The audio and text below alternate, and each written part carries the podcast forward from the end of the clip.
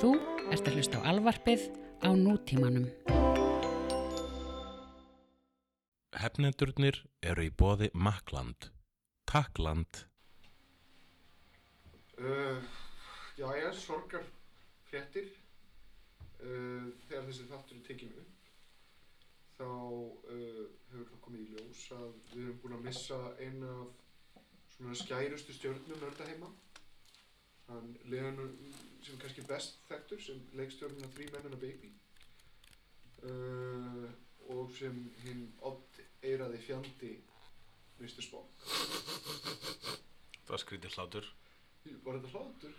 Ég var að hlæja með nefinu en maður svolítið svona stiplað. Já, en ég hérna, en já, En ég, hann var reynda svolítið óveðandi að hlæja með nefinu eða öðruvísi þegar þú vart að minnast á uh, fráfall þessa meistara. Mm. Ég var að spá hvort við ættum að, vegna þess að við vorum ekki með planan eitt, nei, hvort við ættum að nota 50 og þriðja þátt við skulum, já, við skulum gefa honum almennilegt pláss, til að tala alveg um hann. já, þannig að, já, stay tuned, Já.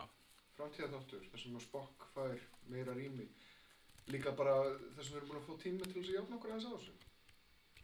Akkurat. En hefst nú Doctor Who special í tilefni 51. a- a- afmælis ári Who's. Er- Orðið þetta rétt? Já. Líklega. Ég finnst það. Akkur gerum við ekki 50 samlis. Vegna þess að þá vorum við ekki... Konur er 50 Fe- þátt. En reyndar eitt sem að, hérna, við langar að minnast á, hérna, sambandi við Doctor Who.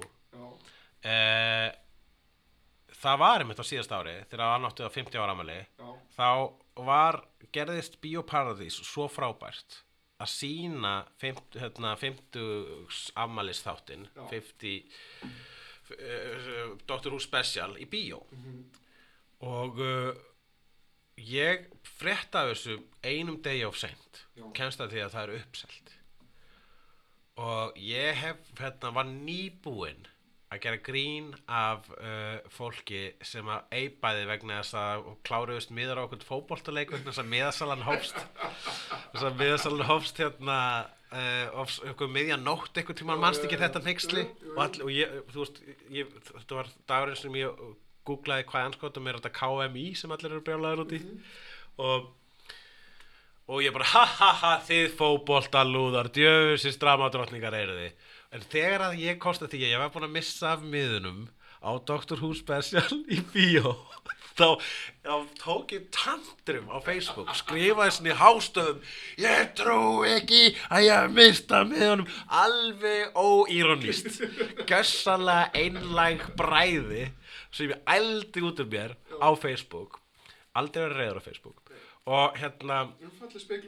Já, ég var bara og, og hérna og uh, Ása vinkonum minn í, í, regnbóðanum Bíóparadís, hún einmitt bara, uh, ég skal aðtöku hvað þið getur reddað fyrir mig eða eitthvað slis og bara svona, sorry, sorry. Og hún var eitthvað svona beða mig afsökun og ég bara, nei, ekki, ekki gera það, ég er að fatta það, ég er hálfvitinn í þessu samingi en, uh, en hún gerði svo ógeðslega næs að hafa upp á einhverjum miðjum sem að urðu út undan og, og ég komst þarna inn á þessa 3D sýningu sem var nú alveg dásaleg reynsla að sjá ekki bara Doctor Who í bíó heldur líka í 3D en hefst þá umræðið okkar um Doctor Who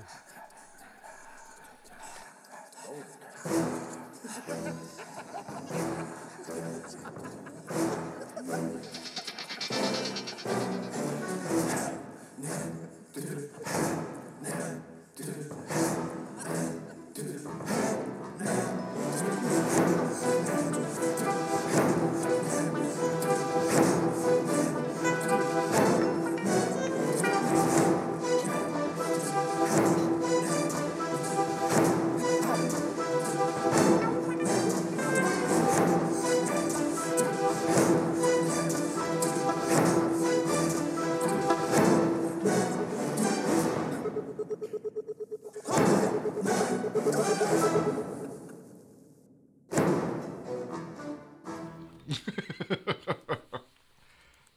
kleinur yngur. Ég hafði einhvern veginn þá á tilfinninguna að það, það var ekki nýbúið að baka í þessu bakari sem að maður hefði haldið að væri svolítið svona fremsta skilda bakarísins núna á þessari neysluöld þegar maður getur keft allt saman bara tilbúið í næstu 10-11 Já, að til þess að svona skera sig úr þá var í bakari að minnskosti með svona ferska vöru á bóðstólunum á lögadagsmótni. Þetta var ekki fest.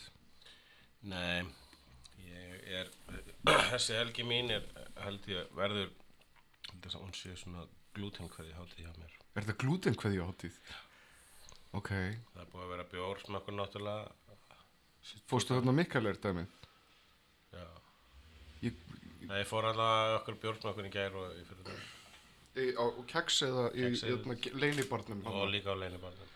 Við fór, ég, ég, við vorum nokkur sem ætlum að fara á hana leinibar en það var bara geðveik byðröðar þannig að það bara virtist ekki vera góð hugmynd að reyna að býða þarna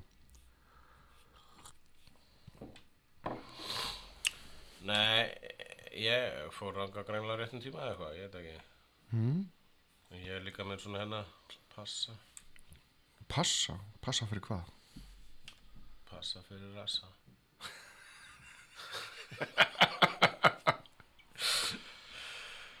mm,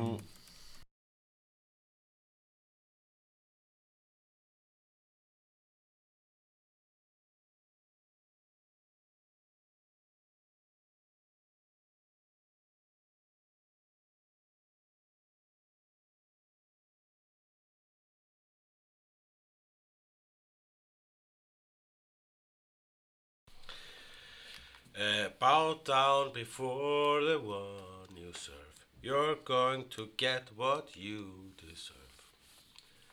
Mm, minn kæri herra Ævar, Mm? þú ert nú ágættur drengur. Nei, Þú þú ert ágættur drengur En hvað er einstungan? Ég meina hérna en Já, en ég er að menna að þú ert einstunga fyrir svona svo getur tölvur minn Svo samband. þú, getur sagt um, Þarna, þarna, Hvað? þarna Hanna?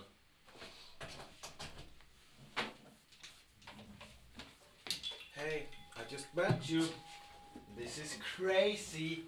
Uh, here's my number.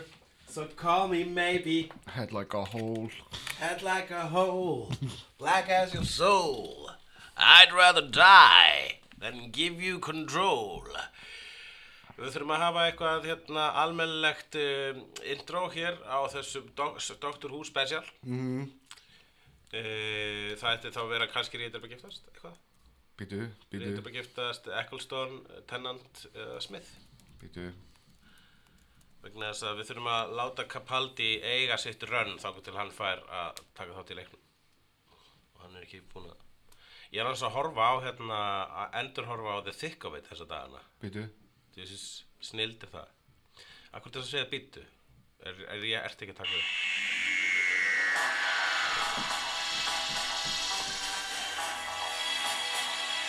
Verið velkomin í Doctor Who Special hefnenduna Við erum hefnendurnir Svo, já, já, Ég er sannlega. Ævormann og Ég- með mér er Daleikur. Þú ert að finna Dr. Húna. Já, Ég hef bara búið þetta til að staðnum, ég er mjög stoltur af sjálfum mér. Ég er eh, Daleikur, Sævormann. Exterminate, ha, Sævormann. Cyborman, já. Ok, whatever. Dalegur Þetta er þetta Djöfullin Akkur er hugleikur alltaf svona þægilegt nafn að ætla að slaka á þessu. Akkur er hugleikur alltaf svona þægilegt nafn til að finna sniðugt? Uh, Ég veit það ekki. Bara, ég, ég, líti á þetta sem bara blessun, eitthvað skonar. Já Ég ge- geti gert eitthvað svona grinn úr Davros Dævros Davros, Avros, Avros, Sæbar, Jóhann Sæber Grímsson. Já. Um, Æ var Æv Æv Náttúrulega- Já Sjá hérna hvað óvinnir eru hérna Baltasar Borat Boss Er Baltasar Kormakur óvinnur Dr. Who? Já Hefur ekki til Mást ekki eftir þeir þætti Dr. Who var að reyna Búið til kvikmynd Það var að búið til kvikmynd að hann fekk ekki hlutverk þess að allir voru í ófætt Já,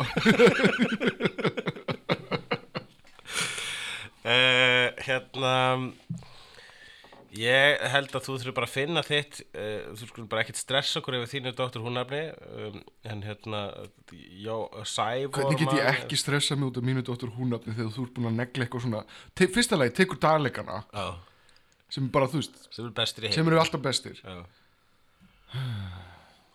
Doktor Hvævar? Það uh, passar ekki vegna þess að hann heitir bara The Doctor. Já. og heitir það ekki hann er bara The Doctor Hvað, hvað með svona companions? Er companions með svipanafn og þú? Nei. Nei. Ég er ekki kona. Hvað- Companions eru stundum kallar.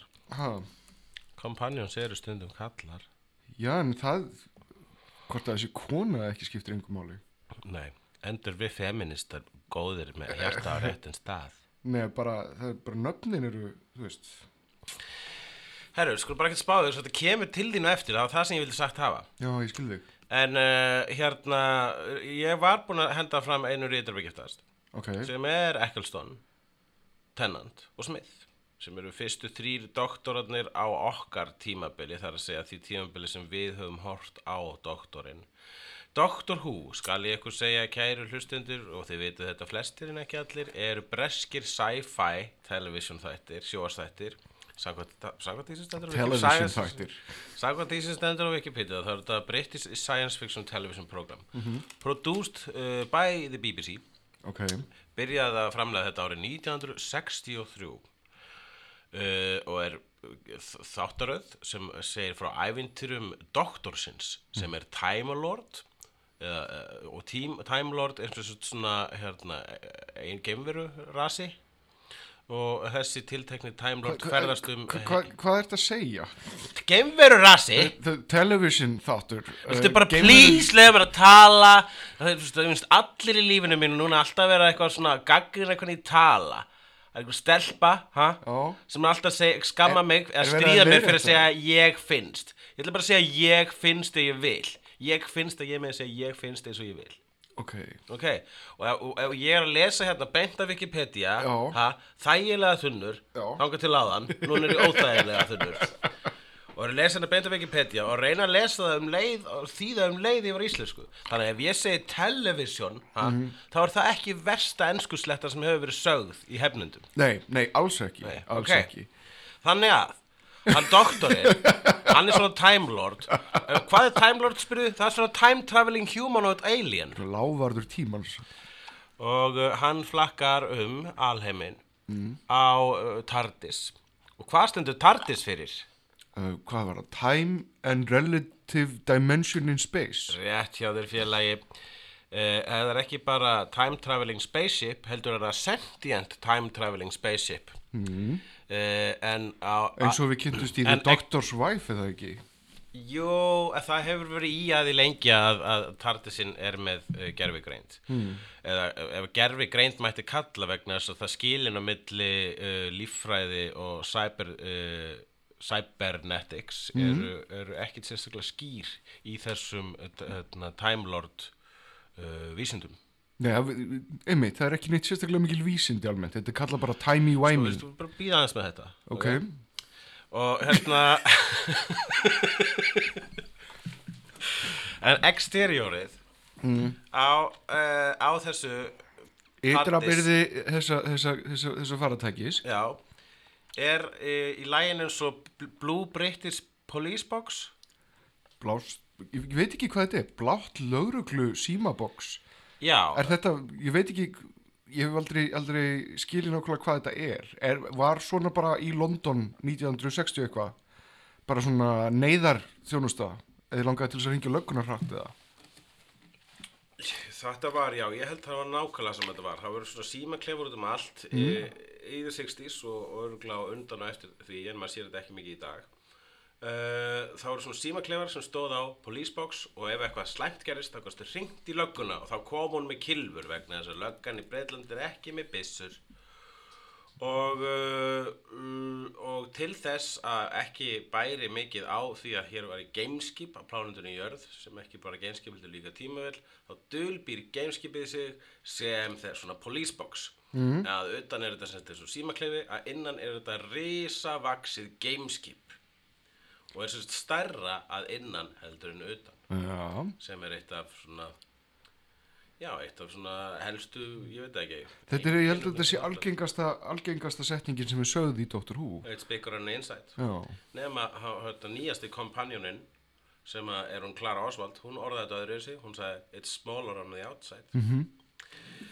og um, þetta eru þættir sem að hófust þarna í árið uh, 63 í Breitlandi og voru framleittir af framleiðanda sem heitir Sidney Newman og er kanadískur og er leikinn af Brian Cox í sjóarsmyndinu sem var gerð um upphaf Dr. Who hérna á síðast ári Sidney Newman þessi hann uh, uh, hafði ágættis reynslu á því að vera framleiða í Kanada og kemur síðan þarna til Breitlands og er head of drama í BBC hann fær til sín unga konu sem er búin að vera starfandi þarna í BBC lengi. Hún heitir Verity Lambert og hefur verið svona uh, undir framleiðandi hvað kallast það? aðstofa framleiðandi hún er basically á konu sem sóttu kaffið. Og uh, og þessi maður, Sidney, verandi nýjungagerð hafði trú á henni Verity og sagði, hei Verity, vilt þú ekki bara framlega nýju hérna, fjölskylduþættina sem ég er að spá í að gera ég dætt í huga að geti verið eitthvað svona gamall kall sem að ferðast um geiminn og tíman og svona og bæði, svona, þættir svona bæði fræðandi og spennandi. Og uh, Verity þessi bara, já, ok, þetta er nýstalega hugmyndi, ég skal gera þetta. Hún fær til sín uh, leikstjóra sem að heitir, skal ég þér segja Varis Hussein. Já, Verity þessi og það var nú bara ekkert algengt. Ég held að, ég veit, veit ekki hvort það voru einhver fordæmi fyrir því að kona var það sjóastátt af framleiðandi en hún var svona átt að sjá um þannig þátt. Og hún færi til þessi leikstjóra sem heitir Varis Hussein sem er sko eh, b- breska indveskur leikstjóri sem að ég held líka að setna hafi komið ljós að hafi verið samkynniður þó að maður hérna searchi gay á hans Wikipedia síðu kemur það ekki. Nei okay. En hérna uh, já en það, það, það er sko þannig að hér var sko þetta hvílík, þetta voru bara svona minni hluta tvenna sem sáum að vera skapandi deildin þarna í, í þessum þætti Mhm. og uh, það er ekkert að segja að það, þessi þátt, þáttu skorti ykkur á sköpun vegna þess að að eins og David Tennant, tíundi doktorinn hefur listið sjálfur að það er eiginlega ekki hægt að tala um uh, Doctor Who á þess að hljó, hljóma eins og maður sé brjálaður vegna þess að við sem eru svona rosalega hrifnir á þess að þáttum við stundum hérna viðkynna það upphátt á almannafæri Mm. og þá segir fólk, já ég heyrti um þetta Doctor Who um hvað er það? Þá, ke- þá, kemur, þá kemur svona skrítin runa af setningum sem er, já þetta er sko um svona gaur sem að hérna er ferðast um í símaklefa um, sem að er sko stærri að innan heldur en utan og hann ferðast fram aftur í tíman hann, hann er sko með tvö hjörtu uh, og hann er ekki mennskur en hann lítur samt út þessum maður Ég, ég er einhvern veginn farin að detti það að bara segja allt. Þetta fjallar um allt. já það er Það er allt leifilegt Dr. Who. Það er nefnilega það sem er briljansum við þetta. Að getur, þetta getur gerst hvar sem er og þetta getur gerst hvenar sem er. Það er vissulega rétt, en ef maður segir þetta fjallar um allt, það er svolítið eins og komin í köld, sko. Þetta er svona eins og hérna, þetta er eins og þegar fólk er að reyna að fá mig í svett og ég bara, hvað er svona gaman við svett? Bara, ó, hvað er ekki dásalegt við svett? Veistu það, ef þú ferð í svett hugleikur, þá mun lífið breytast, kondu, kondu, kondu. Og það er bara, nei, sorry, ég ætla ekki að vera með. Þannig að maður er betra að pitcha, sko, Dr. Who sem eitthvað svona, ef þú segir, það er um allt. Bara, já, herru, ég held að ég sleppi því. Fara aftur í kirkjuna þína. En, Er það? já, Mér finnst þetta mjög svona...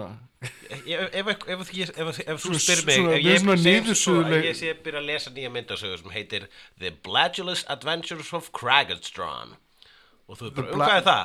þá segir, um hvað er það ekki? Myndur þú vilja lesa það bók? Nei, maður notar þetta sem intro. Maður, síðan tala maður meira um þetta, sko. Maður, Já, sta, ekki, maður burtu. staldrar ekki við allt. Og Já. starir síðan svona sporskur. Nei, sp- sporskur, já uh, en ég myndi seg, ég, hérna, ég myndi segja þetta svona, æ, þetta er bara svona, þú veist, sci-fi þetta er um gauður sem ferst um tímaðan og bestu geimurur.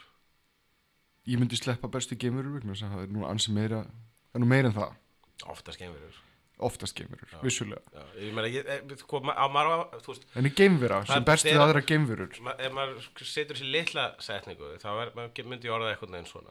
En, uh, þú, þú veist, vegna þess að ég annars þyrst ég að segja, að þetta er svona gauður sem ferst um tímaðan og bestu geimurur, stundum ekki geimurur, stundum er hann að berast við uh, rauninu hugmyndafræðilegar, svona, uh, svona. Já. oftast, oftar en ekki eru þættir einhver skonar uh, uh, verið að kanna hinn og þessar afstæðiskenningar. Veist, þá missur þú alla. já, þannig að betra bara staldra við hérna þetta einfalda og þannig bara, já, hörru, ég er gaman að gefa um ég hef séð svoleiðis í öðrum þáttum þetta ætti að vera eitthvað sem heilin minn höndlar. En þá kemur næsta spurning og það er hvar á ég að byrja? byrja bara á þetta Eccleston. Það er, það er nokkuð eginn það svara. En þá skulum við tala eins um það hvernig hérna, hún, hún Verity og hann Varis uh, þau byrja að gera þess að þætti og fengu til sín fyrsta doktorinn. Hann var leikinn af William Hartnell sem að lék doktorinn á árunum 1963 til 66. Hartnell þessi var bara svona uh, karakter leikari, lék oftast svona strangar típur, ég maður létt að það var hann oftar en einu lék hann svona hersöðingja og ég veit ekki hvað og um, og hann var og vegna þess að eh, hugmynd hans uh, Sidney var að hér væri svona afaleg típa sem væri svona að ferðast með ungu fólki um geimin og svona, já, eða um tíman eins og bara snemma til með til að fara til, ast, til Aztekana og hér eru Aztekanir, þeir fórnuðu fólki og þannig að krakkarnir heima sjá þarna tímaferðalags ævintýri og læra líka eitthvað um Aztekana og svo í næsta þætti þá koma geimverur og eitthvað, þú veist, þannig að hoppa að millið þess að vera fræðandi og líka að vera svona svolítið sensational. Um, og var oftast bæði í senn uh, Hartnell þessi var eldgamall og svona afalegasti í rauninni doktorinn og þegar við tölum um doktorinn eins og þessi margir doktorar það er vegna þess að það voru margir doktorar vegna þess að þegar þessi maður var búin að þjóna sem doktor í þrjú ár þá byrjaði hann, þá byrjaði nokkuð að vera nokkuð ljóst að hann var áriðin og ég lof gamall til þess að leika Já, og þurfti eiginlega að hætta, var að byrja að gleyma uh, línunum sínum og var eiginlega bróðin pínu veikur. Þannig að þá fekk setni þessi framleiðandi uh, þá flugu í hausinn að ekki að hætta þáttaröðinu bara vegna þess að leikarin er ekki lengur í standi til leika, heldur bara að fá nýjan leikara. Og þetta er nú að verið gerðna gert eins og í, í James Bond og svo leiðis að fá nýjan leikara til að leika þekta personu og það láta bara allir eins og þessi nýji leikari hafa alltaf verið hann. En uh, Doctor Who er, uh, fer ekki svo hefðmyndun slóðir. Þeir bregða það ráð að láta leikaraskiptin uh, fungera sem fyrirbæri innan vísinda veruleikans sem er þessi þættir sem er það að þessi tiltekna geimverutöfund, Time Lordar þeir deyja oft svipað á kettir, eins og við vitum þá að vísindar er staðin að kettir deyja nýju sinnum. En kettir eru sko Time Lords. Það er svona tilbúð, til, tilbúð, tilbúð Egiptir að þetta er hugmynd að Dr. Who þætti. Og um, þannig að þegar hann dó þá regenereitar hann. Hvernig myndir orða það á íslensku? Um, endurholgast. Endurholdgast sem að næsti leikari sem heitir Patrick Troughton og var uh, annar doktorinn og hófst þá hefð í þessu ný hefð í þessari þáttaröð Já. sem áttu eftir að tryggja afkomu þessara þáttar vegna þess að þátt ættin ekki áttu að lifa það eilífu í gegnum sögu tímans vegna þess að þú gast alltaf fengið nýjan og nýjan og nýjan leikara til að leika þennan doktor Við séum að fyrsti. Who þátturinn var síndur daginn eftir að JFK var myrtur. Það er nefnilega, an- næst- það er nefnilega hérna, eitthvað sem við getum talað um. Þetta all, all, hafði sko alvarleg áhrif á áhorfin á fyrsta. Who þættinum. Mm. Engin að horfa á hann vegna þess að allir voru að sirkja fórsetan. Já. Býð eftir næsta morði í beinni og, útsendingu. já, allir voru að byggja eftir hvað myndi gerast þannig að þú veist þetta, þessi, fyrsti Dr. Who þáttur var bara fyrir. Verity heimtaði að eh, fyrsti Dr. Who þátturinn yrði endursýndir sem hann var. Og þetta náttúrulega registera ekki mikið hjá fullótum strax þessi þættir, þetta var bara skrítið. Er, en það er þetta bara ennþann dag í dag og skrítið, þetta er bara furðulegt sjóðarsefni en, eh, en það var, hvort það var ekki bara annar þátturinn sem var með Dalekonum fyrstu almennilegu óunum Um, nei, nei, það var um, það var samkvæmt þessu 50 þáttur Það var fyndið þáttur. Já. Ok. þegar Terry Nation tekur við leikstjórn nei, tekur við skrifum Terry Nation er maður sem skrifaði Dalekana Og hvað heitir þessi fyrsti Dalek þáttur? uh, The Daleks Heitir hann bara The Daleks, já. Já.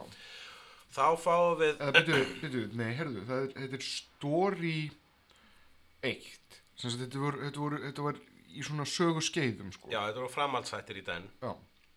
og eiginlega annar hluti, annar þáttur annar sögulínan sem þó næri yfir einhverja 1, 2, 3, 4, 5, 6, 7, 8, 9 þætti Mm um, þar koma dalegarnir við þannig að já, teknilega séð er það í öðrum hluta Já, það er annari sögunni. Já. Já, akkurat. Ég fyrsti, halló, já, snälla lilla guðmann. Dalekarnir eru til þess að eh, að uh, Doctor Who fekk þessi hvílíku áhorf. Bara varði eiginlega bara instantly eitt vinsælasta sjóasefni Bretlands. mm. Þannig að Sidney sagði bara, ok, þú vinnur, meina þetta eins og þú vilt. frá fyrsta þætti sem að tók inn eitthvað 4,4 miljón áhorundur þá svona skrýðaður upp og frá, frá, frá, frá sem þess að Dalek þættinum fáði 6,9 miljón manns að horfa á sem að ríkur síðan upp í 10,4 miljón manns uh, bara nokkur þáttu síðar Patrick Troughton tók við að William Hartnell leik hann 66 til 69 svo kom John Pertwee sem var 70 til 74 Tom Baker sem var hann lengst af öllum skilsmiður 74 til 81 og líka vinsælist doktorinn Peter Davidson tók við á honum ekki gaman að taka við af Tom Baker. Hann var bara í 2 ár 82 til 84 Colin Baker tók við á honum var 84 til 86 Sylvester McCoy einnig þekktu sem hérna uh, Radagast er the Red þarna í, í Hobbit. Mm. hann uh, með fuglaskítun á hausnum. Það var að kalla með fuglaskítin hann var 7. doktorinn 87 til 89 Paul McGann var le- sá sem var stist Já, doktorinn. bíó, bíódoktorinn já, hann var hérna sjóarsmynd hann var, hann var doktorinn í 90 mínútur. Já, uh, sem er enda skemmtileg mynd. Það er mjög skemmtileg mynd og þá er vondikallin uh, erkjóunur doktorsins The Master leikinn af Eric Roberts. Mm. um, það var 96 við horfum nú sinni á þá mynd saman. Hann var Já. ekki leðileg og hann var flottur doktor. Já, ég hef alveg viljað sjá meira á hann sko. Hans, eftir Sylvester M- McCoy sem að endaði sitt skeið 89 þá var nefnilega langt hlje og þeir reyndu að endur lífga vegna þess að það var að byrja að dala og, og, og, og það var komin einhver svona age of cynicism sko. 90s var að byrja. 90s Helvitis fucking 90s 90s og 90s hérna, meikaði valla doktorinn. Þeir reyndu um miðjan tíundu áratugurinn 96 sem sé að gera þessa mynd með Paul McGann einnig þekktur sem I úr Vithnail Sylvester McCoy hættir hérna 89 Right at the cusp of 90s cynicism, Já. já.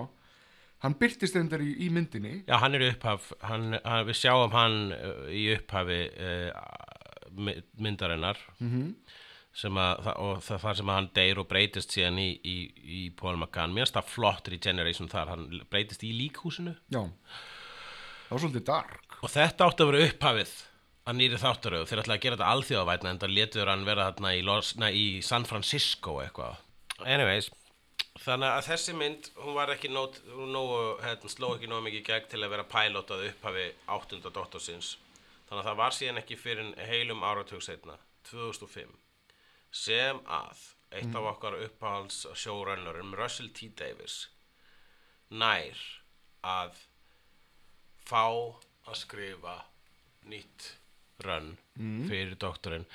Hér er eitt aðteklisvert Russell T. Davis byrtist mér fyrst í sjóastáttaröð sem ég horfði á bara sem úlingur sem heitir Queer as Folk sem er hérna alveg bara svona sem þá var það mest gay sem ég hef nokkuð tíma séð bara þá er ég meina bókstælega gay ekki í einhverjum svona glötuðum niðrandi tóni þetta var þáttur um samkynna kallmenn í, e, í London ef maður rétt og einn af aðalpersonum í Queer as Folk var rosalega Dr. Who fan Já, og hérna átti svona hérna K9, hérna litla vélhundin sem að Tom Baker átti. Já, og, uh, og ég skildi aldrei, ég fatt að hann var eitthvað fan á einhverju sci-fi en ég hef aldrei, ég hef heyrt talað um Dr. Who, aldrei fatta hvað það er. Uh, en hérna og svo setna einhvern tímann þegar ég var heima hjá okkur sem átti gerfinnættasjóarp þá er ég eitthvað að flikka og sé þannig rosalega skrítna illa gerða uh, sci-fi þátt þar sem að það sem ég sé þarna K9 litla vélhundun ég bara, hei, þetta er þátturinn sem hann homin var að tala um í hverjars fólk Já, og, og svo hérna, setna meir kerst maður að því að þú veist, maðurinn sem að átti á heiðurinn að nýja upphafinu og nýju gullöld Dr. Who er Russell T. Davies, maðurinn sem að hérna, gerði hverjars fólk þannig að kannski var þessi maður hérna, sem elskaði Dr. Who í hverjars fólk bara var það bara Russell T. Davies sjálfur það persóna byggða honum. En hann er líka höfundurinn á baku eina þínum uppáhalds hérna míniseríum, Jú. Second Coming. Second Coming, hann gerði hana með einmitt þessum Christopher Eccleston sem að við þekkjum sem uh, hérna, maður tók fyrst eftir í kvikmyndinni uh, Shallow Grave eftir Danny, Danny Boyle Mm. Christopher Eccleston er bara frábæleikari jafnvel þótt hann sé ógisla boring vondukall í Thor 2 um, það að uh, hérna, hann lét sagt, uh, Eccleston leika endurfættan, leika endurfættan Jesu í Second Coming. Mm hann, og, og Eccleston, eina ástæðan að hann leik Dr. Who er vegna þess að Russell T. Davis var að gera þetta. Þannig að Eccleston leikur hérna, hérna doktorinn í heila serju er nýjindi doktorinn árið 2005 er hans ár. Já, þá eru þeir ennþá svona að reyna að fóta sér svolítið. Já, það er, er vegna þess að hérna, cynisismin er svona að dala -hmm. og hérna, nördavorið, það er svona að rísa Mm þannig að, og Russell T. Davis ætlar að ná þeirri öldu ég held að hann hafi komið álfi að hárreitum tíma sko. hann hefur bara sest á ölduna þegar hún er að rísa og núna er bara og í dag surfar uh, doktorinn betur en þú veist meira en aldrei fyrir Já, mér finnst þér vel að, sko, ég sogaðist inn á, í David Tennant feysinu, sko. Já. Horfði síðan aftur á Ecclestonin og Ecclestonin finnst mér eiginlega aldrei svona fóta sig almennilega í hlutverkinu. Mér fannst hann alveg gera það gjörsalega sínu sko. Og, og það le leðilegt er að Ecclestone lendi bara í vesinu við BBC og eitthvað og, og hann hætti bara svona prinsip ástæðum í rauninni, það var eitthvað samningsdæmi. Já, hann hefði alveg leikið dóttirinn áfram en hún fannst eitthvað hann fannst uh, það var eitthvað það var eitthvað svona ósætti milli hans og uh, bjúro, bjúrokratana Mm En mér fannst hann, hann þú veist, þegar, þegar hann er að flippa, þegar hann er að dansa og allt þetta, mér finnst hann vera, hann með, var alveg með eitthvað og við hefðum jafnvel séð, það, veist, það var eitthvað að fæðast þarna. Já, já, en sko, þegar þú berðar síðan saman við David Tennant, sem ég myndi kalla eiginlega alveg jafn svona ábyrgan fyrir vinsældin Dr. Who, hann kemur með eitthvað sjarma í hlutverkið og eitthvað svona, spennu og ánægi og gleði það að vera Dr. Who. Já, já. Að, hérna, að maður getur eiginlega ekki varist því að bara sogast inn í þetta og njóta þess að horfa. Uh, Nefnum hvað, hérna, já, mér fannst hann, mér fannst hann strax svona, já, negla þetta betur heldur en Kristoffer Ecclestone. Eiga hlutverki strax í byrjun, meira heldur en Kristoffer sjálfur. Uh, og hér skulum við kannski taka eitt fram að við félagarnir erum ekkert búin að horfa á Dr. Who að neinu ráði.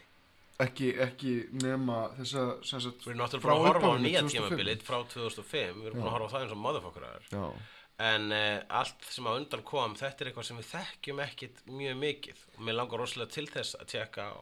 Uh, Tennant tekur við af Ecclestone árið 2005 og er doktorinn í heil 5 ár og er frábær doktor. Og það hans tímabil hann verður til þess að smátt og smátt verður verð doktor hú allt í hennu alþjóðlega viðkjönt fyrirbæri. Mm. og er í dag einhvern veginn þú ert ekki almennlega nörd nema þú hefur hort á Doctor Who. Já, það er bara nýja Star Trek sem ég fyndi vegna þess að það kom undan Star Trek. Mhm, og uh, Doctor Who er longest running television ever já, 63 og enn þann dag í dag. Já. Hvað er þetta margir með, þættir? litl- með litlum pásum sko. þannig að Tennant er hann hérna í uh, uh, fimm ár, Matt Smith tekur við og við höfum verið oft skemmtilega ósamála um það hvað er betri, Tennant eða Smith 813 þættir. 813 Doctor Who þættir Já. til í heiminum. Smith er hann árunum 10 til 13 og við honum tók hinn frábæri leikari Peter Capaldi mm. sem að er búin að leika hann síðan 2014 og við munum sjá meira af. Ég er einhvern veginn, síðan ég byrja að horfa á þetta þá hef ég einhvern veginn tamið mér það og ekki viljandi þetta virðist bara gerast sjálfkrafa mm. að mér finnst nýjasti doktorinn alltaf bestur Já, þannig að ég þegar ég horfði á Ecclestone bara þessi Ecclestone er frábær. Hann er frábær, hann er besti doktorinn og ég hef ekkert viðmið. Og síðan kemur Tennant og ég bara þessi Tennant, hann er dásalegur, hann er miklu betur en Ecclestone. Svo kom Smith, bara Smith hann, hann er töluvert betur en þessi Tennant. Og uh, núna finnst mér Capaldi bestur. Uh, það sem er skemmtilegt við þetta er það að þegar hann, hann endurholdgast þá er hann ennþá doktorinn nema hann breytir um líkama og persónuleika líka Já. þannig að hann er með er raunin sömu sál nema það er eins og hver sál hver, hérna, hver endurholgun er sem mismöndi hlið á sálinas -hmm. og það er sérstaklega ábyrjandi til dæmis við getum uh, sko sagt uh, að hann Capaldi hann sé töluvert pyrraðari og reyðari gaur heldur Já. þeir þrýr sem koma undan honum hérna á, á þessara öld hann er, hann er sko, þeir eru búin að vera einmitt leiknir af einhverjum ungum gæjum sem eru aðeins svona feskari og, og, og saklausari einhvern veginn. Já, upprænlega þá var, það voru eldri gaurið til að byrja með og svo þegar Peter Davidson tók við að Tom Baker þá, byrja, það, var, það var hann fyrsti virkilega ábyrjandi ungi hérna, doktorinn En, Og- en og- eldist síðan í hlutverki. En málega þannig að Peter Capaldi, uh, þarna hefur verið að mynda stíga aftur inn í þessu gamlu hefða að hafa eldri mann og, og, og yngri konu og svona eldri reyndari típu. Ok, við skulum þá tala um þessa yngri konu sko, svo fólk sé The Companion. Já, hefur, þetta hefur verið kallað companion það er ekki alltaf kona, alls ekki Mm. það er mjög oft kall það er miklu ofta kona uh, það hefur alltaf verið ákveðið svona element þetta eins og var, var með fyrsta dótturinn William Hartnell, þá var hann alltaf með uh, dóttur dóttur sína. Já. þannig að í, í, gamla daga þá var dótturinn fjölskyldumæður. Í dag er, er hann búin að missa allar fjölskylduna. Um, þá, var, það svona afi. Afi og afa, afastelpa. Og það átti að vera svona dýnamikinn í þessu. Mhm. og hefur alltaf verið, var það lengi vel síðan þegar Tom Baker kom sko, John Pertwee kom með smá hérna stríðidótturinn, hann kom með smá sexapíl. Hann var svona eh, með svona silfrað hár og, og hann kunni karate. Hann var einn af þeim fáið sem actually hérna, stunda ofbeldi að einhverju hérna, að einhverju sko einbendingu uh, sá doktor. Og þannig að hann var svona, hann var svona fyrsti virkilega svona fuckable doktorinn. Og svo kom Tom Baker sem að er líka örgulega margar konur samanlega því að hans er tölvert fuckable. Mhm. En það helst hann mjög lengi á skjánum. Og Peter Dav og þa- þannig að þegar að þegar framleitur föttuð að doktorinn geti haft eitthvað svona sexapíl sem var aldrei ætlurinn vegna þess að þetta átti að vera hérna, fjölskylduþáttur þá fáði Peter Davidson til að leika doktorinn, fymta doktorinn og þá var hann svona ungur og myndalegur. Og hann var eiginlega árið næstu stílbrot vegna þess að Tom Baker, hann er alltaf pínu ljótur svona, svona. en það er, ég, þú veist, meira, þú veist, ekki kannski ekki ljótur með breyta, hann er bara venjulur með breyta Það var hann samt flipar og töff með ókslega langan trefil, sko. Já, flippa ára töff, akkurat. Hann leit svona út eins og hann væri sko, hérna, managerinn fyrir Led Zeppelin. Já, já, og það var svona háruð allt út í loftið og Já. svona staregður og... Akkurat. Og hann var líka með, hann var alltaf með þetta brjála augnaráð, sko, sem að mörgum þykir voða sexy. Ég með þú, þú, veist hvernig það er með stelpur, það verður ástfagnar af brjálæðingum, sko. Já. Brjálað þegnaráð kem, kemur þér alltaf langt hjá stelpum. Já, já, bara, og, já, ert bara, ert bara slæmanniska, Já, það er líka mjög sexy. Já, en doktorinn er alls ekki slæmanniska. Nei, það er náða alls ekki. Það og ekki- þó, hann, hann, hann kennir sér oft um uh, hluti sem hann hefur þurft að gera, erfiðar ákvarðanir. Er þetta er maður sem hefur hort á upphaf og endalok heimsins marg oft. Oft á þess að geta eitthvað gert í því og stundum, eruðu, og stundum verið jafnvel þáttakat í því. Eignast vini og síða að deyja, trekk Já, í trekk að. Akkurat. Hann, hann, er- þetta maður með tvö reisastór hjörtu uh, og fullur af ást en, uh, og, en að eilifu kvalin vegna þess að hann horfir á allt sem að hann elskar deyja aftur og aftur og aftur og aftur, og aftur vegna þess að hann er eilífur og alheimurinn virðist ekki einu sinni vera jafn eilífur og hann En hefur einhverju hlutu vegna tekið ástfóstri við plánundan á jörð?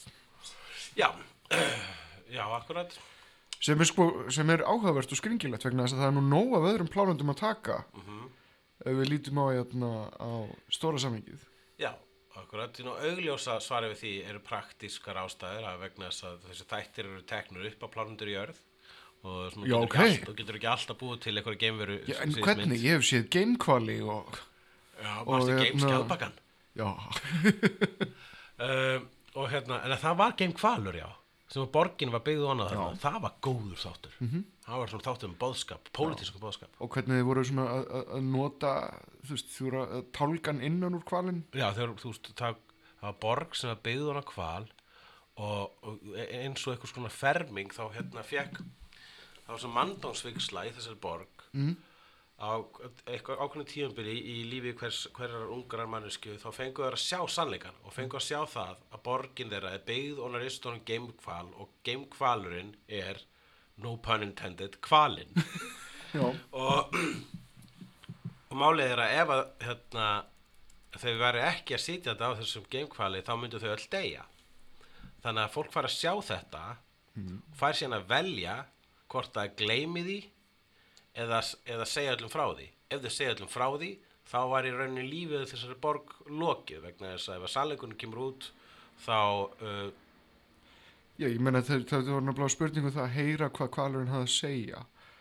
Að, hérna, og, og hann var gáðari heldur en menn já, en og lifði í þúsundir ára. Mér fannst aðalega sem báðskapurinn í þessum þætti vera svo flottur vegna þess að hér er fólk sem að, veist, kemst að því að þeirra, þau eru, að, þetta, þeirra, þeirra samfélag er byggt ofan á sársöka, byggt á blóðum vígvilli, eins og bara, eins og mjög mikið af vestrænu samfélag, tökum bara bandareikin fyrir, það er byggt á, sem sagt, jarðar, það er byggt basically á blóðum vígvilli, byggt á líkum indjána. Og í stað, og í stað þess að hérna, reyna að gera eitthvað í því þá er hægt að fá þann möguleika þegar þú kemst að þessu í mandósvíkslinni að gleyma því. Og það kjósa allir að gleyma því vegna þess að það er erfiðar að gera eitthvað í því það geti jafnvel kostað bara þú veist hérna, allt líf í samfélaginu rauninni sko. þetta finnst mér að vera briljant byllíking yfir bara vestant samfélag Og þetta er einn af 813 þáttum. allavega um, mjö, mjö, mjö, mjö, mjö Eh, Companions Ert- átt is- þú uppáhalds companion? það er sérst hafa alltaf verið eitthvað fólk sem hefur fyllt honum og núna á okkar tímabili 2001. doktornum þá hófst það með Billy Piper sem, Sem lék hana Rose. Rose og uh, hefur ef að sjá hérna ég er mörglega með þetta Rose Tyler, Mickey Smith, uh, Donna Noble, Martha Jones, Jack Harkness, Astrid Peth, Sarah Jane Smith. ef að fara í Best West Companions Uh, ég hef gert það. Sko ég, Amy Pond sem var kompanjónið hans uh, hérna Matt Smith Það er uppáhalds companionu minn. Það reyndar Amy og Rory saman. já, það var svona hjón Já. Ég verð að segja að mér Donna Noble sem að er leikinn af uh, henni hvað heitir hún aftur? Catherine, Catherine Tate, Tate. Já. Green leikurinn Catherine Tate Hún dettur My Bothered hún sem sagt leik kompanjónið uh, stuttu eftir að hérna, hann misti Rose Já. Rose, var fyrsti kompanjónið í þessari hérna, eins og nýja tímabili var hérna með Ecclestone og síðan með Tennant og það er ein rauninni sko e- eina skitt sem ég veit eiginlega til þess að doktorinn hafi eiginlega orðið bara ástfangin Já. Og hann var ástfangin af henni en vildi náttúrulega ekki gera neitt í því vegna þess að hún líður illa þegar hann er ástfangin af þessu fólki í kringu sig vegna þess að hann er raunni eld, hann er 900 ára svoleiðis, og, og hún, ég hugsa að hann líður bara svolítið svona perralega sko, Mm. veist að vera með svona mik mikið yngri konu sko. Rós átti að vera 18 ára þannig Já. Já, svolítið ógislegt og um, síðan sko uh, og síðan líka sko átt, eins og við tölum um það átt aldrei að vera eitthvað sexual tension á milli companionsins Nei, og Russell T. Davis, hann de dettur í það. Hann, hann, hann, hann, er með romantist hjarta Já, hann er með mjög svona, og bara erotíst og, og, og svona hispurslust hjarta. Erotíst, er, er mikil erotík í Já, já, um leið og Jack Harkness kemur, þá, þá er endalust verið að tala um rýðingar vinstri hægri. Já, Jack Harkness er nýr karakter sem að Russell T. Davies skrifaði þarna inn sem er einhvers konar svona uh, tímaferðalags gay, það er svona gay tímaferðalags Han Solo Að, gay, hann er, hann er bisexual, hann segur hjá öllu sem hefist. Já, hann er omnisexual Hann er svona, hann er svona eins og uh, William Shatner með Captain Kirk. Já, akkurat Uh, omnisexual, já, ég held að það sé besta leiði til lýsunum. Ok, en sá, en það er ekki doktorinn, doktorinn verður aldrei kynferðislegur, það er bara þessi Harkness Já, þeir, þeir sváu saman. Svá ekkit saman, Jú, doktorinn og Harkness Já. Nei, Jú, jú, ég held Nei. að það sé gefið í skinn. það nei, nei það Russell T. Davis var á, í þess, á þessu skeiði þá er bara þá doktorinn og félarars í kring bara á fullu sko, bara Ég veit að Harkness er fyrsti maður sem kisti doktorinn já, En það var aldrei leitt meira. Þú hefur kannski lesið eitthvað, eitthvað kynferðislegt í þetta en ég var að horfa á þetta allt bara í gegn mjög nýlega og það var aldrei í að því að fyrir, ég tók aldrei eftir því. Hmm. mér fannst þetta bara líka svo mikið í loftinu Já, þú ert bara að lesa eitthvað í þetta. Allavega, uh, en málið er það að þegar að Donna Noble kemur, leikina Catherine Tate, þá er alls ekkit sexual tension. Og oft er það þannig líka sko að kompanjónarnir verða eitthvað svona skotnir í doktornum og hann ekki á móti. Hún hefur engan áhuga á doktornum, en hún hefur bara gaman að fara í ævintýrin. Og hún er líka miklu meira svona hérna, comic relief. Þannig ég myndi segja sko að að, uh, að Donna Noble sé meira uppáld sem mér heldur en Amy Pond þó að Amy Pond sé uh, stórkuslegu karakter S- eh, þekktasti, vinsæl sögufrægasti og íkoniskasti kompanjónin er Sarah Jane Smith sem var bæði hjá uh, John Pertwee og hjá uh, honum Tom Baker ef ég, ef ég veit rétt mm. Já, hún hjá þriðja og fjóra doktornum.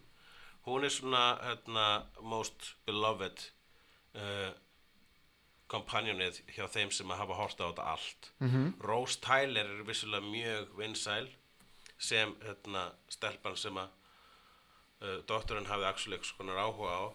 However, því maður þegar ég horfði á, hérna, fyrst á doktorinn, þá fannst mér hún, sko, Billy Piper sem leikur Rose, fannst hún, mér fannst hún ekki sætt. Rose Tyler Já. En síðan ég horfði í setnaskipti þá fannst mér gett sætt. Já, ég tengdi voðalega lítið við Rose einmitt Mér fannst það bara voðalega skrítið allt sko Já, hann svona var svona, mér finnst það pínu hallarsleg. Já, en það er kannski vegna þess að þú veist hún byrjar hérna með Kristoffer Eccleston og síðan svissar og það var bara chemistry var einhvern veginn off og þess vegna var henni uh, hún hvarf svolítið fljótt á sjónasviðinu en var það einhvern veginn svona einhver, einhver áminning og, og skipti svo rosalega miklu máli í stóra saminginu setna mér en ég hérna, já, ég Það er einn kompanjón sem að mér finnst hérna vera að fá ekki nógu mikið uh, fá Martha ekki, Jones, Já, ekki nógu mikið hún er töffari. Já, það, það er mjög, mjög oft þegar að vera að tala um sérstaklega kompanjónuna á nýja tímabilinu þá er Martha Jones alltaf neðalega hún hefur verið kallið rebound uh, rebound kompanjónið vegna þess að hún kom til beint á eftir Rose. Já, það er náttúrulega um, Donna þarna á milli, það ekki? Ég held að Donna kemur á eftir Marthu og svo kemur sko, svo komur Martha og Donna saman og lenda hérna í stóra æfintinu hérna, þar sem er með loftskipinu og, og, og masternum og hérna, öllum hérna, öllum litlu kúlunum sem er á það við jörðinni. Já, en Martha er aftur á móti bara frábær. Mér finnst hún bara mjög skemmtileg. En eitna, hún er búin að vera að bæ, svona, stroppa inn Hist og hér í gegnum seríun eftir, eftir að hún var kompanjón sko. Já, hún síðan fór og eignaði sitt eigi líf sko. hún ákvaði bara, ég, ég nenni ekki að býða eftir þessu görfur skotin í mér, ég ætla að fara á lendi mínu með æventurum og svo verður hún hérna hluti af, ef ég mann hérna hvað heitir þessi þjónusta þessi hérna, þetta CIA dæmi Torchwood, Nei, ekki Torchwood, heldur hitt. Unit Unit, já, hún byrjaði að vinna hefur Unit já. ef maður rétt. Um, Ég er eftir að segja hvað er versti kompanjónin af þeir sem, að, þeir sem við höfum séð? Mér langar ekki til þess að kalla eitthvað versta sko. og mér finnst Klara Oswald frábær. Já, mér finnst hún ágætt líka. Og ég, eh, Mér finnst River Song eiginlega samt ofmetnasti kompanjón. Já hún er ekki kompanjónin Hún hún hún er samt hún flokku sem kompanjón sko. hún er náttúrulega stórkostlegu karakter.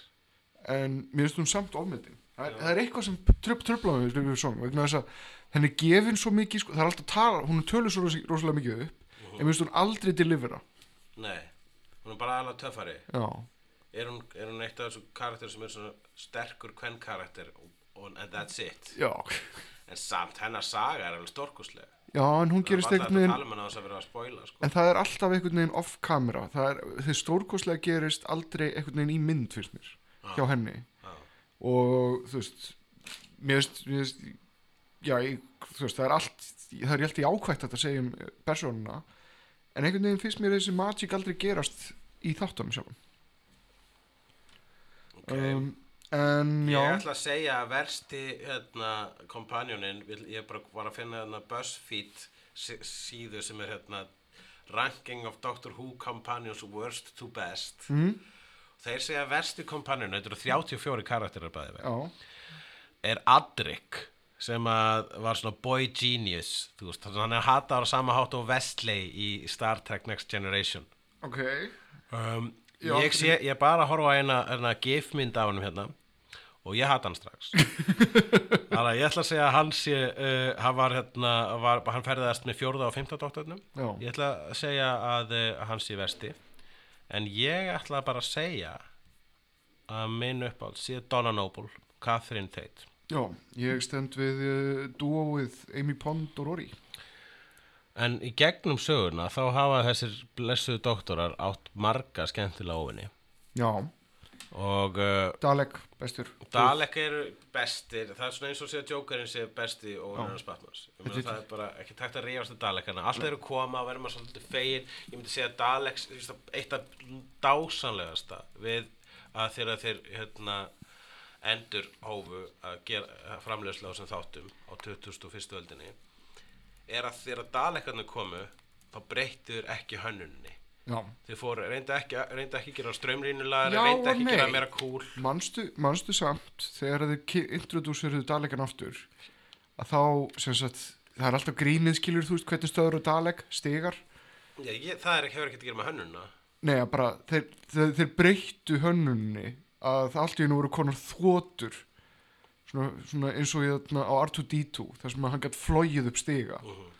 Sem betur færi var það krónológist og megaði sens í dóttunum megaði ekki sens við R2D2 vegna þess að R2D2 gætt flóið í príkulunum en ekki í síkulunum mm However uh, Dalekarnir sem sé uh, útlitslega voru aldrei breyttir að uppdeita þér Já, og þeir nefnilega vegna þess að margir myndi öruglega ykkur markarsfræðingar en byttu byttu, þeir eru ekki aðeins að vera meira cool. Ha, 21. öldin þeir líta, á- þeir eru ennþá með 60s hönnunina. Já, og það er það sem eitt af það sem er líka dásalegt við Doctor Who er það að þess þætti reyna aldrei að vera cool. Þú orðaðar það einu svona rosalega vel að maður þarf raunin að henda cynisismannum út um gluggan áður en maður horfur á Doctor Who. Algjörlega. Annars, annars getur bara slepptið að horfa á það sko. Ef þú ætlar að vera byttu, leitur hann svona út? Eða byttu hvernig gengur þetta upp? Þá getur þú bara að fokka þér sko. Ég reyndar voru að hugsa um sko Ok, Dalekarnir eru alltaf á toppnum. Og alveg stórkostlega hönnun þessi líti út eins og svona pipastaukar og með með, með, með drullusokk framan á sér. Hérna uh, uh, en mér finnst sko sko e- einn af mínum uppáhalds óvinnum sem ég hef séð var uh, The Master sem er svona hinn hin sanna anstæða hann er Hérna, svona Moriarty já, Doktorsins já. Og hann er er, Time Lord. hann er Time Lordið mitt og það var í 2007 sísonu eða 2008 þessum hann var leikinn um John Sim sem hann, var forsætisráðara Bretlands. Já, það var dásalegt og það var geggjuð saga. Það var það sem Martha Jones var að bjarga þetta einum. Og já, einmitt ferðaðist um til þess að bera út bóðskap doktorsins á meðal jarð, jarðabúa en, hérna, en það er, ég elska þá sögulínu mér, mér varst hún, þetta, það var augnablikið sem að doktorinn húkaði mig alveg rosalega sko. já, það var, það var virkilega stóra episk saga og einmitt hérna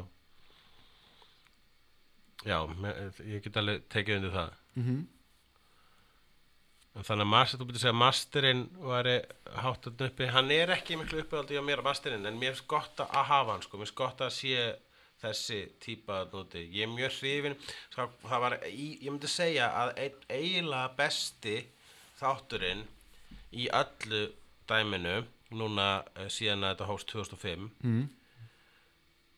það er þáttur í, á tennandrönnunu sem heitir Blink og er skrifaður af, af Núverandi sjórununum núverandi sjórönnum sem heitir Stephen Moffat Já. Og ef þetta, ef þú vilt kynna einhverju fyrir Dr. Who, það er mjög sniðut að Svona sína gateway þátturinn Þetta er Þetta Þetta er marihuana þátturinn hvort það leikur ekki hún hérna það leikur fræð, það er Óskarsvennilega leikona eða eitthvað tilnæmd leikona sem að, hérna, hvað heitir hún? Kate Mulligan eða eitthvað leis uh, Carrie Mulligan. Carrie Mulligan, hún leikur í þeim þætti. Já, og þar koma líka það er líka, í þeim þætti þá kynnastu fyrst e, e, óunum sem eru núna eina, eina Já. dóttursins, það eru þau grátandi englarnir En- The Weeping Angels það sem ég fyndi er það að þessi þáttur er vala nefndur sem eitt besti staki þátturinn af Dr. Who og besti þátturinn til þess að kynna nýju fólki fyrir Dr. Who en það sem ég finnast við þetta er það að doktorinn er bara í mýflugumynd í þættinum það er alveg svakalega fyndið Mhm. ég er alveg eldist um að hlátri en hérna Ek, ég er ekki að tala um fyndið haha. Fyndið peculiar. Ég byrst followed ég hljómaði eins og algjört bitch þarna. Já, þú hljómaður eins og algjört bitch. Ég ætla að refsa sjálfum mig með því að býti þannig glúten kleinurring sem hún gafst mér. Njóttu. En það sem er líka ógeðslega fyndið við þann þátt Mm. og það byrtast þessi englar. Það er eitthvað ekkert fyndið við það.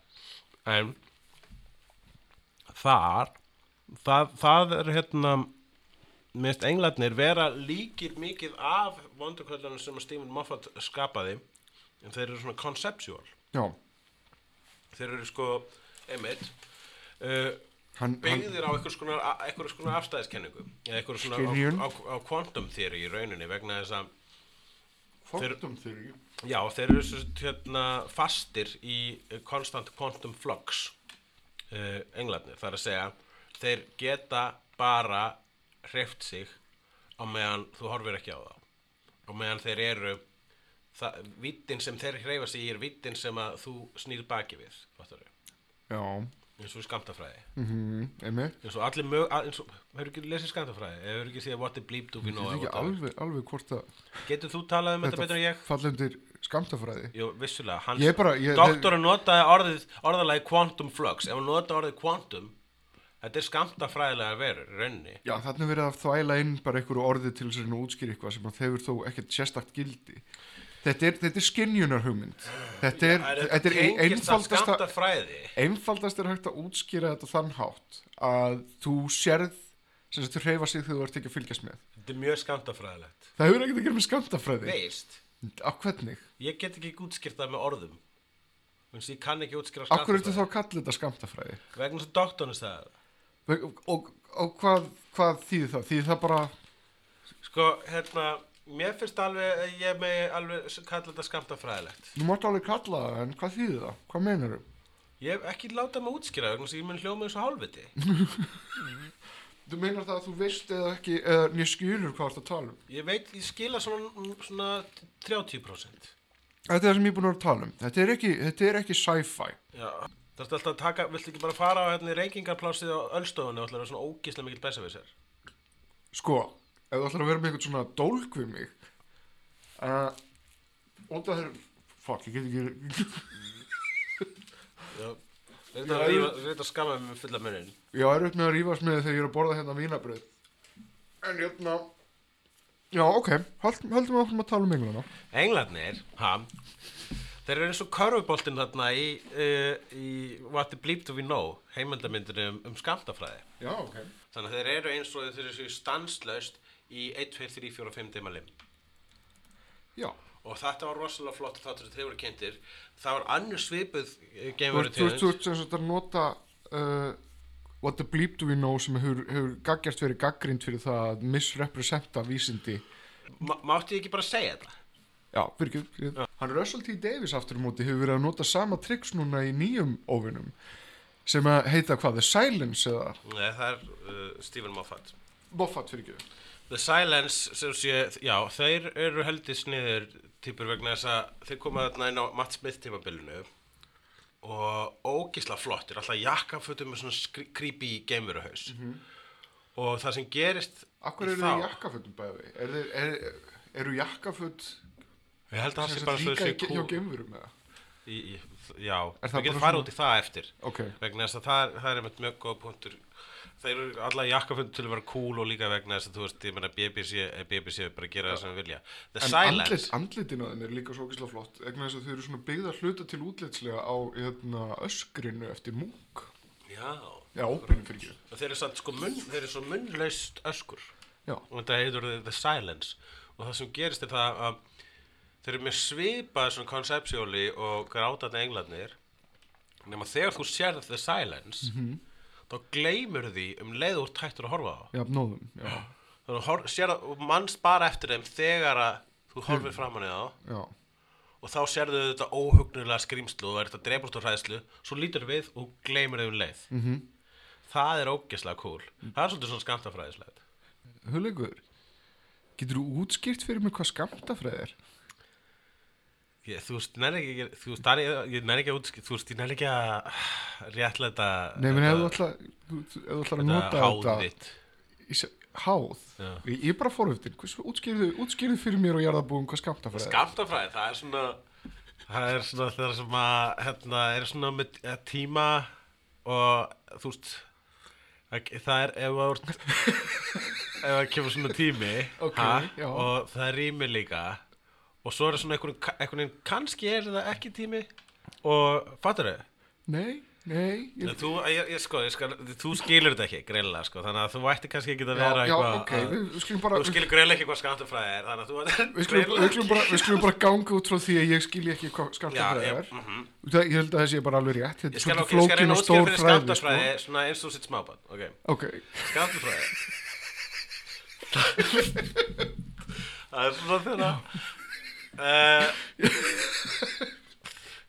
Það er sérst, ef að, ef að tíminn uh, það er sko, ef að allt er uh, þín skinjun á veruleikanum, ha, mm. þú veist, og afstætt. Ef hún er afstætt þá er hérna uh, ha, já, ég er að koma. Herri, hérna það var að Hör- kalla mig. það var enginn að kalla. Var, var einhver að kalla, svona skamta eitthvað? Já, Var svona skamta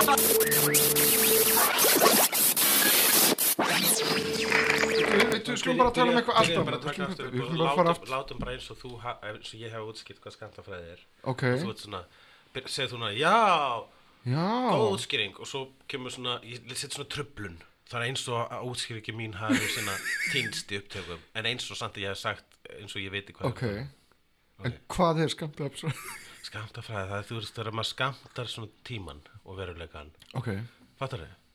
Í, a, í a, svona að skamta hann svona afstætt fattar þau? ok, nú skulum við bara tala um hérna aftur já, jakkafötin, ok, svo sko. það er ég- málið er, ok, þetta er greinlega flókið fyrir þig Já, ég, en, og þannig að ég kannski Mér finnst- líka, mér finnst ég- hefnindur eiga að vera meira svona létt væglustun mér finnst ég, mér finnst ég samt svona bara hafa mentast mjög um það hvað hva, um hvað þetta snýst allt saman um Quantum, Já. þetta er, hérna uh, James Bond myndin fjallaði um þetta Quantum of Solace, Leap. Quantum Leap, já, akkurat, það var um tímaferðarlög Já, þannig að það er eitthvað um tíma ég meina, þannig að það er er auðvitað eitthvað um tíma einmitt, einmitt. Og líka um það að heyrnarlegs kona mun líða betur með sjálf sig ef hún hugsar jákvætt samkvæmt alltaf þessari hérna, what the bleep do we know mynd síðan er líka eitthvað samband við körubólta samkvæmt þeirri mynd Moving on, hvað, hvað vorum við að tala um? Við vorum að tala um hérna já, og, já, þannig að þú, ná, þá veistu það um skamtafræði Já. og uh, nú skulum við tala um þetta þú varst að tala um þannig með jakkafötin Mm. uh, Doctor Who gerir mjög oft eitthvað sem er ekki hægt að útskýra Já. eins og manstu loka þátturinn hjá Matt Smith Já, sem var líka Christmas special þá fer hann í, finnur hann eitthvað a, town called Christmas sem er ákveður plánutu sem heitir Grondabray eða eitthvað alveg sko. hann kemur bara bæði fyrir plánutunni Gallifrey sem er sko minnst plánutulegasta nafn á plánutu sem ég hef Já. Star Wars er alltaf Endor, Tatooine Coruscant. En síðan er plánutan í Doctor Who er það Gallifrey? Já, Það hljómar eins og svona, það hljómar eins og eitthvað svona Silmarillion, svona 70s hljómsveit. Marillion. Gallifrey En, ok, en það er, það er, þetta er pláneta sem er umkringt af öllum óvinnum doktorsins. Jú, þetta, þetta ákveða að fara pínu svona overkill svona eins og oft er hefð þegar þið vilt fara hérna, þú vilt uh, toppa þeirra þætti í Og þetta er bara svona lítið lokað var, það er bara endalus jól og endalus svona eitthvað lífsgleði. Það sem að doktorinn fær að- lifa út líf sitt og verða gamall maður. Jú, en það var, það, það var alveg bara eitthvað, allt gott að blessa með það, þó það pínu, það eitthvað sem böggaði mig við það, en það skiptir ykkur máli. Mm. Það sem að, hérna, böggaði mig mest er það að, þú veist, þessi bær leit bara út eins og ykkur hollensku bær. Já, Það sem allir voru ykkur svona í hollenskum jólafötum og er svona Merry Christmas, it's Christmas every day here in a town called Christmas og maður bara svona, já, ok, það, það er ykkur bær á annari plánutu sem er aldrei þú veist, aldrei séð, þú veist, vei, veit neitt um jörðina. Já, og samt hefur mannlífið þar þróast og var það bara eins og ykkur svona, eins og ykkur lítið jólaþorp á hveragerði. Ætli, ætli Jésús Kristur hafi verið krossvestur þarna eitthvað tíman Nei, og, og síðan sem sagt fæðingans fæðingans verið fagnað. Það er og skemmtilega svona kristmessu sem sagt að þe- skemmtilega breytana, þeir eru ekkert að detta inn í þetta sko uh, eitthvað pólitíst rétt orðafar eins og kanandir eru svona að rífast um árlega þetta um happy holidays. Já. Vegna þess að þið vilja ekki segja Hanukkah eða Christmas hefði þetta kannski verið betra að þetta hefði verið A Town Called Júl Nei, vegna þess að mér finnst, það, mér finnst Christmas bara fallegt orð. Og þú veist, ef vilt tengja það við Krist, þá tengja það við Krist en þú þarft þess ekkert, þú veist, bara orð hafa sín uppruna og allt svoleiðis, en hins vegar í þessu tilfelli þá gengur það ekkert sérstaklega upp Nei, já, uh, en þarna komum við aftur að kannski lík, líklinum við það að njóta Dr. Who. Já, er þessi cynicismi og ekki spyrja spurninga. Það var einmitt það sem að ég var eitthvað til maður ringdi í þig á jólunum bara, já, þetta var feit þáttur en really, a town called Christmas? Þá varst þú, maður verður bara að fleia sinnisismannum út og glugga þegar maður horfir á Dr. Who þá segi ég, já, það er rétt hjá þér ævar og, og þess vegna erum við vinir Já, en hérna, þetta böggaði mig líka við, í Christmas specialinu sem að var, hérna, sem að var fyrsti heil í Dr. Who þáttur sem ég sá sem þegar ég bjó í Amsterdam talandum hollensk mm. hollensk þorp þegar ég bjó í Amsterdam og þá var, horfði ég þá vorum við með BBC og þá fekk maður svoleiðis alveg gullið af sjóasframleyslu og þar á meðal fekk maður Christmas special þar sem að hérna, doktorinn, Tennant var á borð í Titanic. Já. Game Titanic. Með Kylie Minogue sem, Kylie sem, Minogue. sem kompanjón. Var gestahlutverk í þeim bæti og það var aðeinslegt mm Kylie Minogue, halló krakkar. Er þetta að selja Dr. Who betur, hún hefur verið geststar Já, og sá þáttur og, og Warwick Davis leik líka í þeim þætti, leik eitthvað svona rauðan kaktustverk já.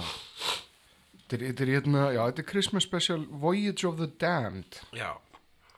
Og það var sko, málið er að þetta Game Titanic var ekki jarðnæst gameskip, heldur frá okkur annar plánutu, frá plánutu þar sem allir líti út þessi jarðabúar Já, og, uh, og þau voru eitthvað svona búin að búa og hvað? Þetta, þetta var svona kitsch svona við ætlum að búa til Titanic og þið komið með sem til þess að, hérna, að njóta þess að fara, vera um borð í Titanic svona, það viljandi vísað í þessa sögulegu ferð Akkurat, þannig að þessar geimverur sem að byggðu þetta gameskip, það er svona, hei, hef, muni, hafið þið heyrt um plánutunni jörð, það var þarna eitt skip Var þetta- þar sem voru sökkunni þetta- sinni, gerir voru þetta- gameskip sem er eins og það skip. En voru þetta geimverur eða voru þetta sem sagt eitthvað skona framtíðar jarðabúar? Nefnilega þetta var ekki framtíða jarðabúar vegna þess að þau keira síðan uh, hérna, fljúa framhjá jörðinni sem er bara jörð nútímans Mhm. Já. og eru hérna næstu búin að hrapa á jörðina manns. þetta er frá plánutinu Stó. Já. Og nema fólki borðið þessu skipið bara alveg sem ykkur jarðabúar, það er bara svona, Mhm. þú veist, það var eitthvað par þarna sem bara, hefði hans getur verið eitthvað par frá Leeds og hef, var búin að vinna þarna þessa flugmiða í ykkur svona hapdrætti. Þannig að þau kom frá ykkur annar plánutu sem basically alveg eins og jörðin. Var það ekki Rick and Morty þar sem það var hérna öfuga Titanic sem sagt þú þú ættir að, þú ættir að fara í Titanic Já, og og upplifa þarna uh, sökvi og, og fara í gegnum svona, svona, Svona- dramatíska amusement park. Já, en allt fór úrskeiði sem átt að fór úrskeiði svo hann sökk ekki. Já, það var mjög fyndið. Það var ógænslega fyndið. en já, Hvað myndir þú, ef við ættum að segja núna hérna, þú veist, þannig að þú veist, það, í þessum þætti þá er þetta bara, þá áttu bara svona ekkert að spá í því af hverju að það er til önnur plánetar sem allir eru bara nákvæmlega eins og jörðinni. Nei, já, þetta er, þú veist, um leiðum maður fyrir að spá í þetta, þá verður þetta vandamál. Þannig að það er bara best að láta það kjört, liggja, bara alveg, leave, let it be. Let it go, let it go Sorry, ég þarf bara alltaf að syngja þetta þegar ég þarf að sleppa ykkur þetta er svona quantum. smá svona kvantum sko. Skilur það setna hérna uh, hvað myndir þú segja að væri svona bestu uh, uh, Dr. Who þættirnir hvað er svona þætti mannst þú sérstaklega eftir bara, ó þetta var góður þáttur Já, það er náttúrulega blink, blink, Mhm. stendur upp úr. Uh, það er, það, það er hérna storyline með masterinn. Það er bókasafnið. Það sem að þau, þau fara í bókasafn þar sem að hérna, all plánutan er einhvern veginn og sk- skuggarnir í bókasafninu eru, eru svona microscopic mannætu verur þannig að ef þú fer í skugga þá ertu getið lifandi og bara beinagrindin eftir. Mm það var cool þáttur. Og hérna en, en draugarnir lifa samt áfram einhvern veginn í gimbúningunum svona bergmála og persónuleika þannig að þú getur talað áfram sem Já, gangandi akkurat. beinagrind. Já, það er vegna þess að geimbúningarnir þeir, þeir uh, bakka upp uh, hérna, minninga þínar já, í smá stund alltaf. Um, Já, Blink var frábær. Uh, Girl in a Fireplace þar sem að þeir eru borðið í einhverju gameskipi og það eru svona gluggar inn í það er ekki hérna, það er, raunir, það er eitthvað svona tímagluggar tíma og rýmisgluggar, svona kvantumgluggar eins og ég kalla það. Uh, inn í gameskipinu. Það sem að, uh, sem að e- eru sko raun hlið að hérna uh, að hvað heitir hún? Lady hérna að hlið að hérna oh, dammit keisareinjunni er það einhver keisarinn, var ekki einhver frilla keisarans var það ekki hérna frilla Lady Chatterley eða hvað sem hún hétt uh, sjá. Uh, girl in the fireplace. Hérna um, það mun vera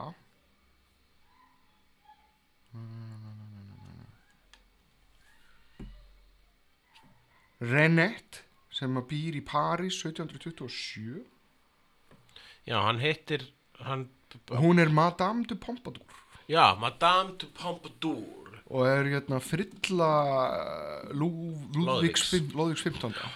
Akkurat, og, það, og, og hann hérna á, er tildulega eigið tildulega stuttum tíma um borðið þessu geinskipi doktorinn og gæjast af og til innum þannig glugga og ræði við stelpuna þarna hinum einn nema hinum einn þá líður tíminn í mörg ár. Þannig að hann kynnist hann, hann verður svona leinivinnur hennar í gegnum mörg mörg ár. Já, og hann, hann fylgist með upp bara henni að vaksa frá því að vera bara lítið barn í að verða einmitt frilla uh, keisarans. Mhm. og síðan eru einhverju sko hérna, einhver vélmenni, þarna svona clockwork vélmenni svona hérna, barokk vélmenni í gangi, það var flott hönnun ég var líka mjög hrifin af The Doctor's Wife þættirinn sem Neil Gaiman skrifaði þar sem að uh, personuleiki Tardisins færist yfir í, í einhverju konu. Þannig að allt í henni fáum að sjá Tardisin tala. Ég var líka mjög hrifin að þættinu þegar þarna, þeir hitta uh, Vincent van Gogh. Og Vincent van Gogh er rauninni ekki brjálaður, heldur sér eitthvað, það er eitthvað brjála skrýmsli sem er að ofsækjan mhm, uh, og svo þótti mér heldur góður þátturinn hérna hvað var það, þegar hérna það var svolítið eins og It's a Wonderful Life eða Sliding Doors þarna þegar Donna Noble er með eitthvað sníkítur á bakinu já, Turn Left heitir það Já. og hún upplifir veruleika þar sem að hún hefði aldrei hitt doktorinn. Já, ákveðlega, það er rosalega fallegt Síðan var hérna þátturinn þar sem að Amy Pond er skilin eftir í mörg ár. Já, shit, það Uh, sem sagt hún gleymist og síðan komaði tilbaka og þá er hún fullorinn kona og er bara búin að vera ein og yfirgefin í einhverju, einhverju svona einhverju svona meysi fullt af einhverjum hættum. En líka hérna í Christmas specialinu þegar það voru vondir snjókallar og hérna Ian McKellen talaði fyrir þá. Mm. það var góð þáttur. Eða manstu þátturinn líka það var reitt skemmtilega þáttur þegar hann hérna, þegar hann eh, doktorinn Matt Smith hérna verður leigjandi hjá James Corden sem er núna að fara að taka við af Craig Ferguson sem spjallátastjórnandi Já. Síðan var nú reyndar hérna uh, þarna þátturinn svona, sem var að fagna 50 sammælunum þar sem allir doktorinn komu saman.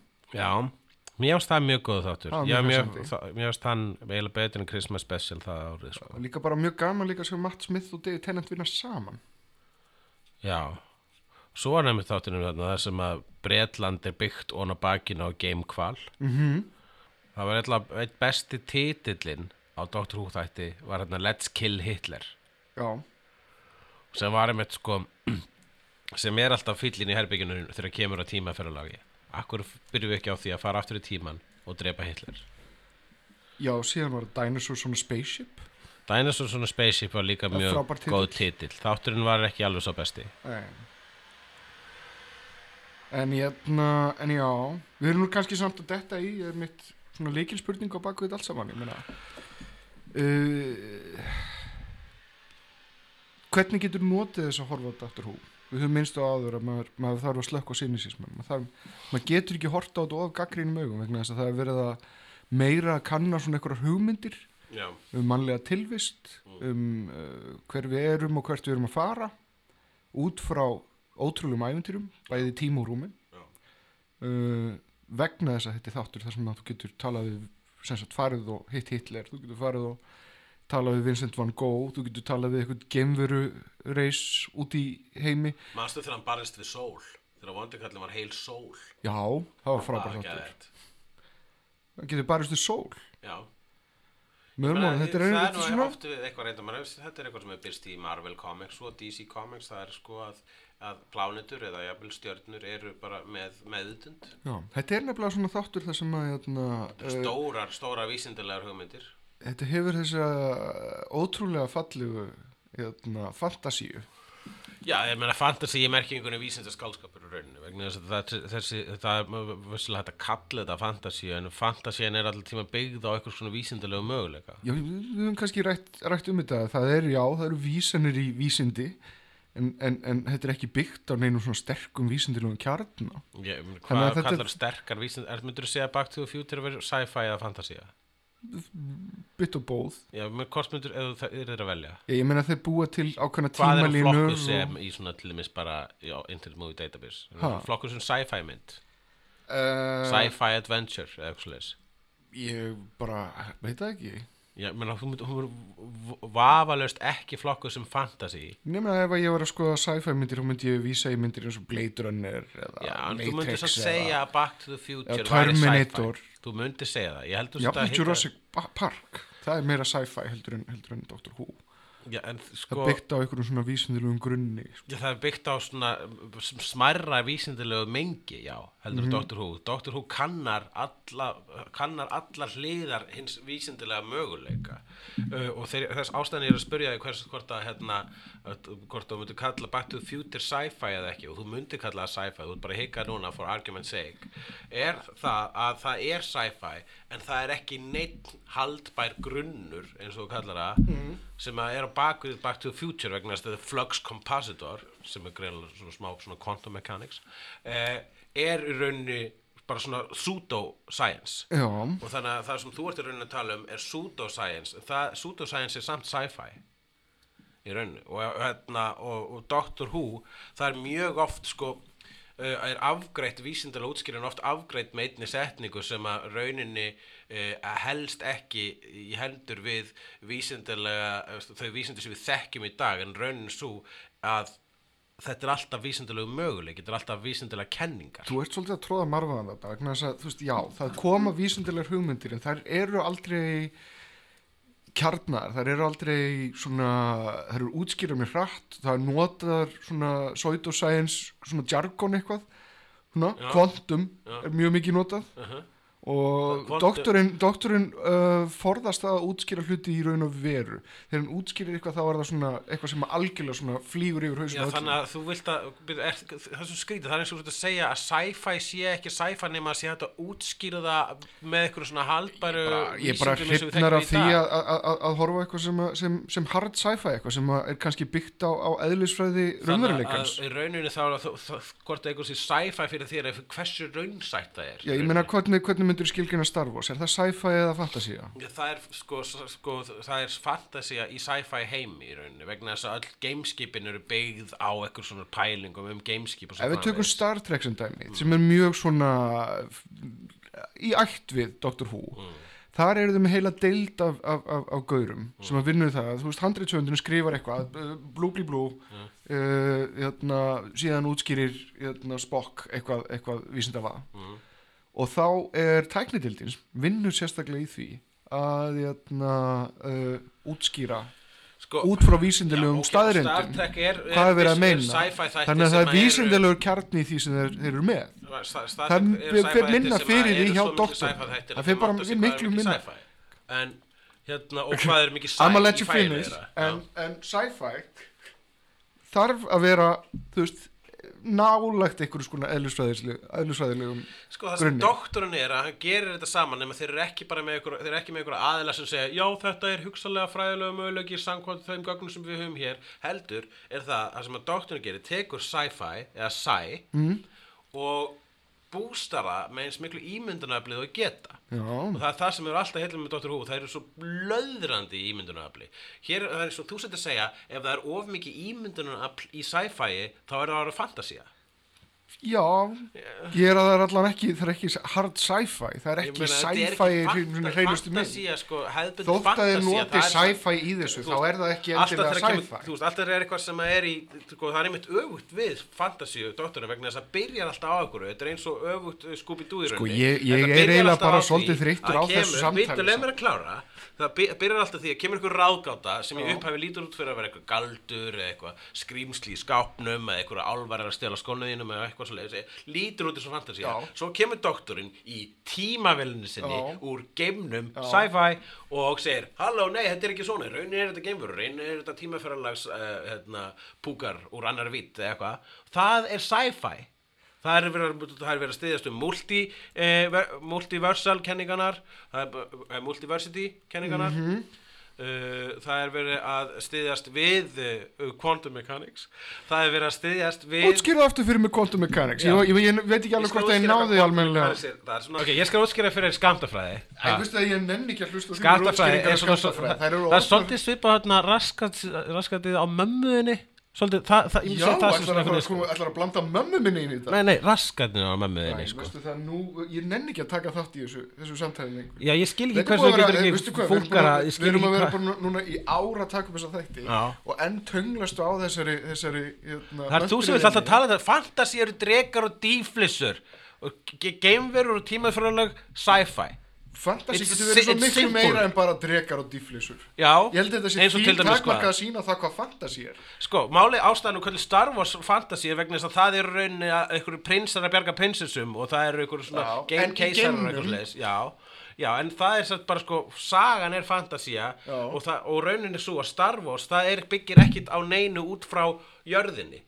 Og það, hér er málið, jörðin er akkerið sem gerir Dr. Who af fantasíunum vegna þess að doktorinn er alltaf að útskýra fyrir okkur jarðabúum hvað er að gerast með einhvers konar vísindilegu grunni ekki neitt sérstaklega raunsæðum grunni ekki, neitt rosalega ekki neitt eitthvað hérna, Blade Runner raunsæði ef það er eitthvað sem þú kallar sci- sci-fi frekar af fantasíu sem Já. það er vissulega en ég veit ekki hvað, ég, veit ekki hvað pointið mitt var núna en, en ég hef rétt fyrir mér að þú er rátt fyrir þér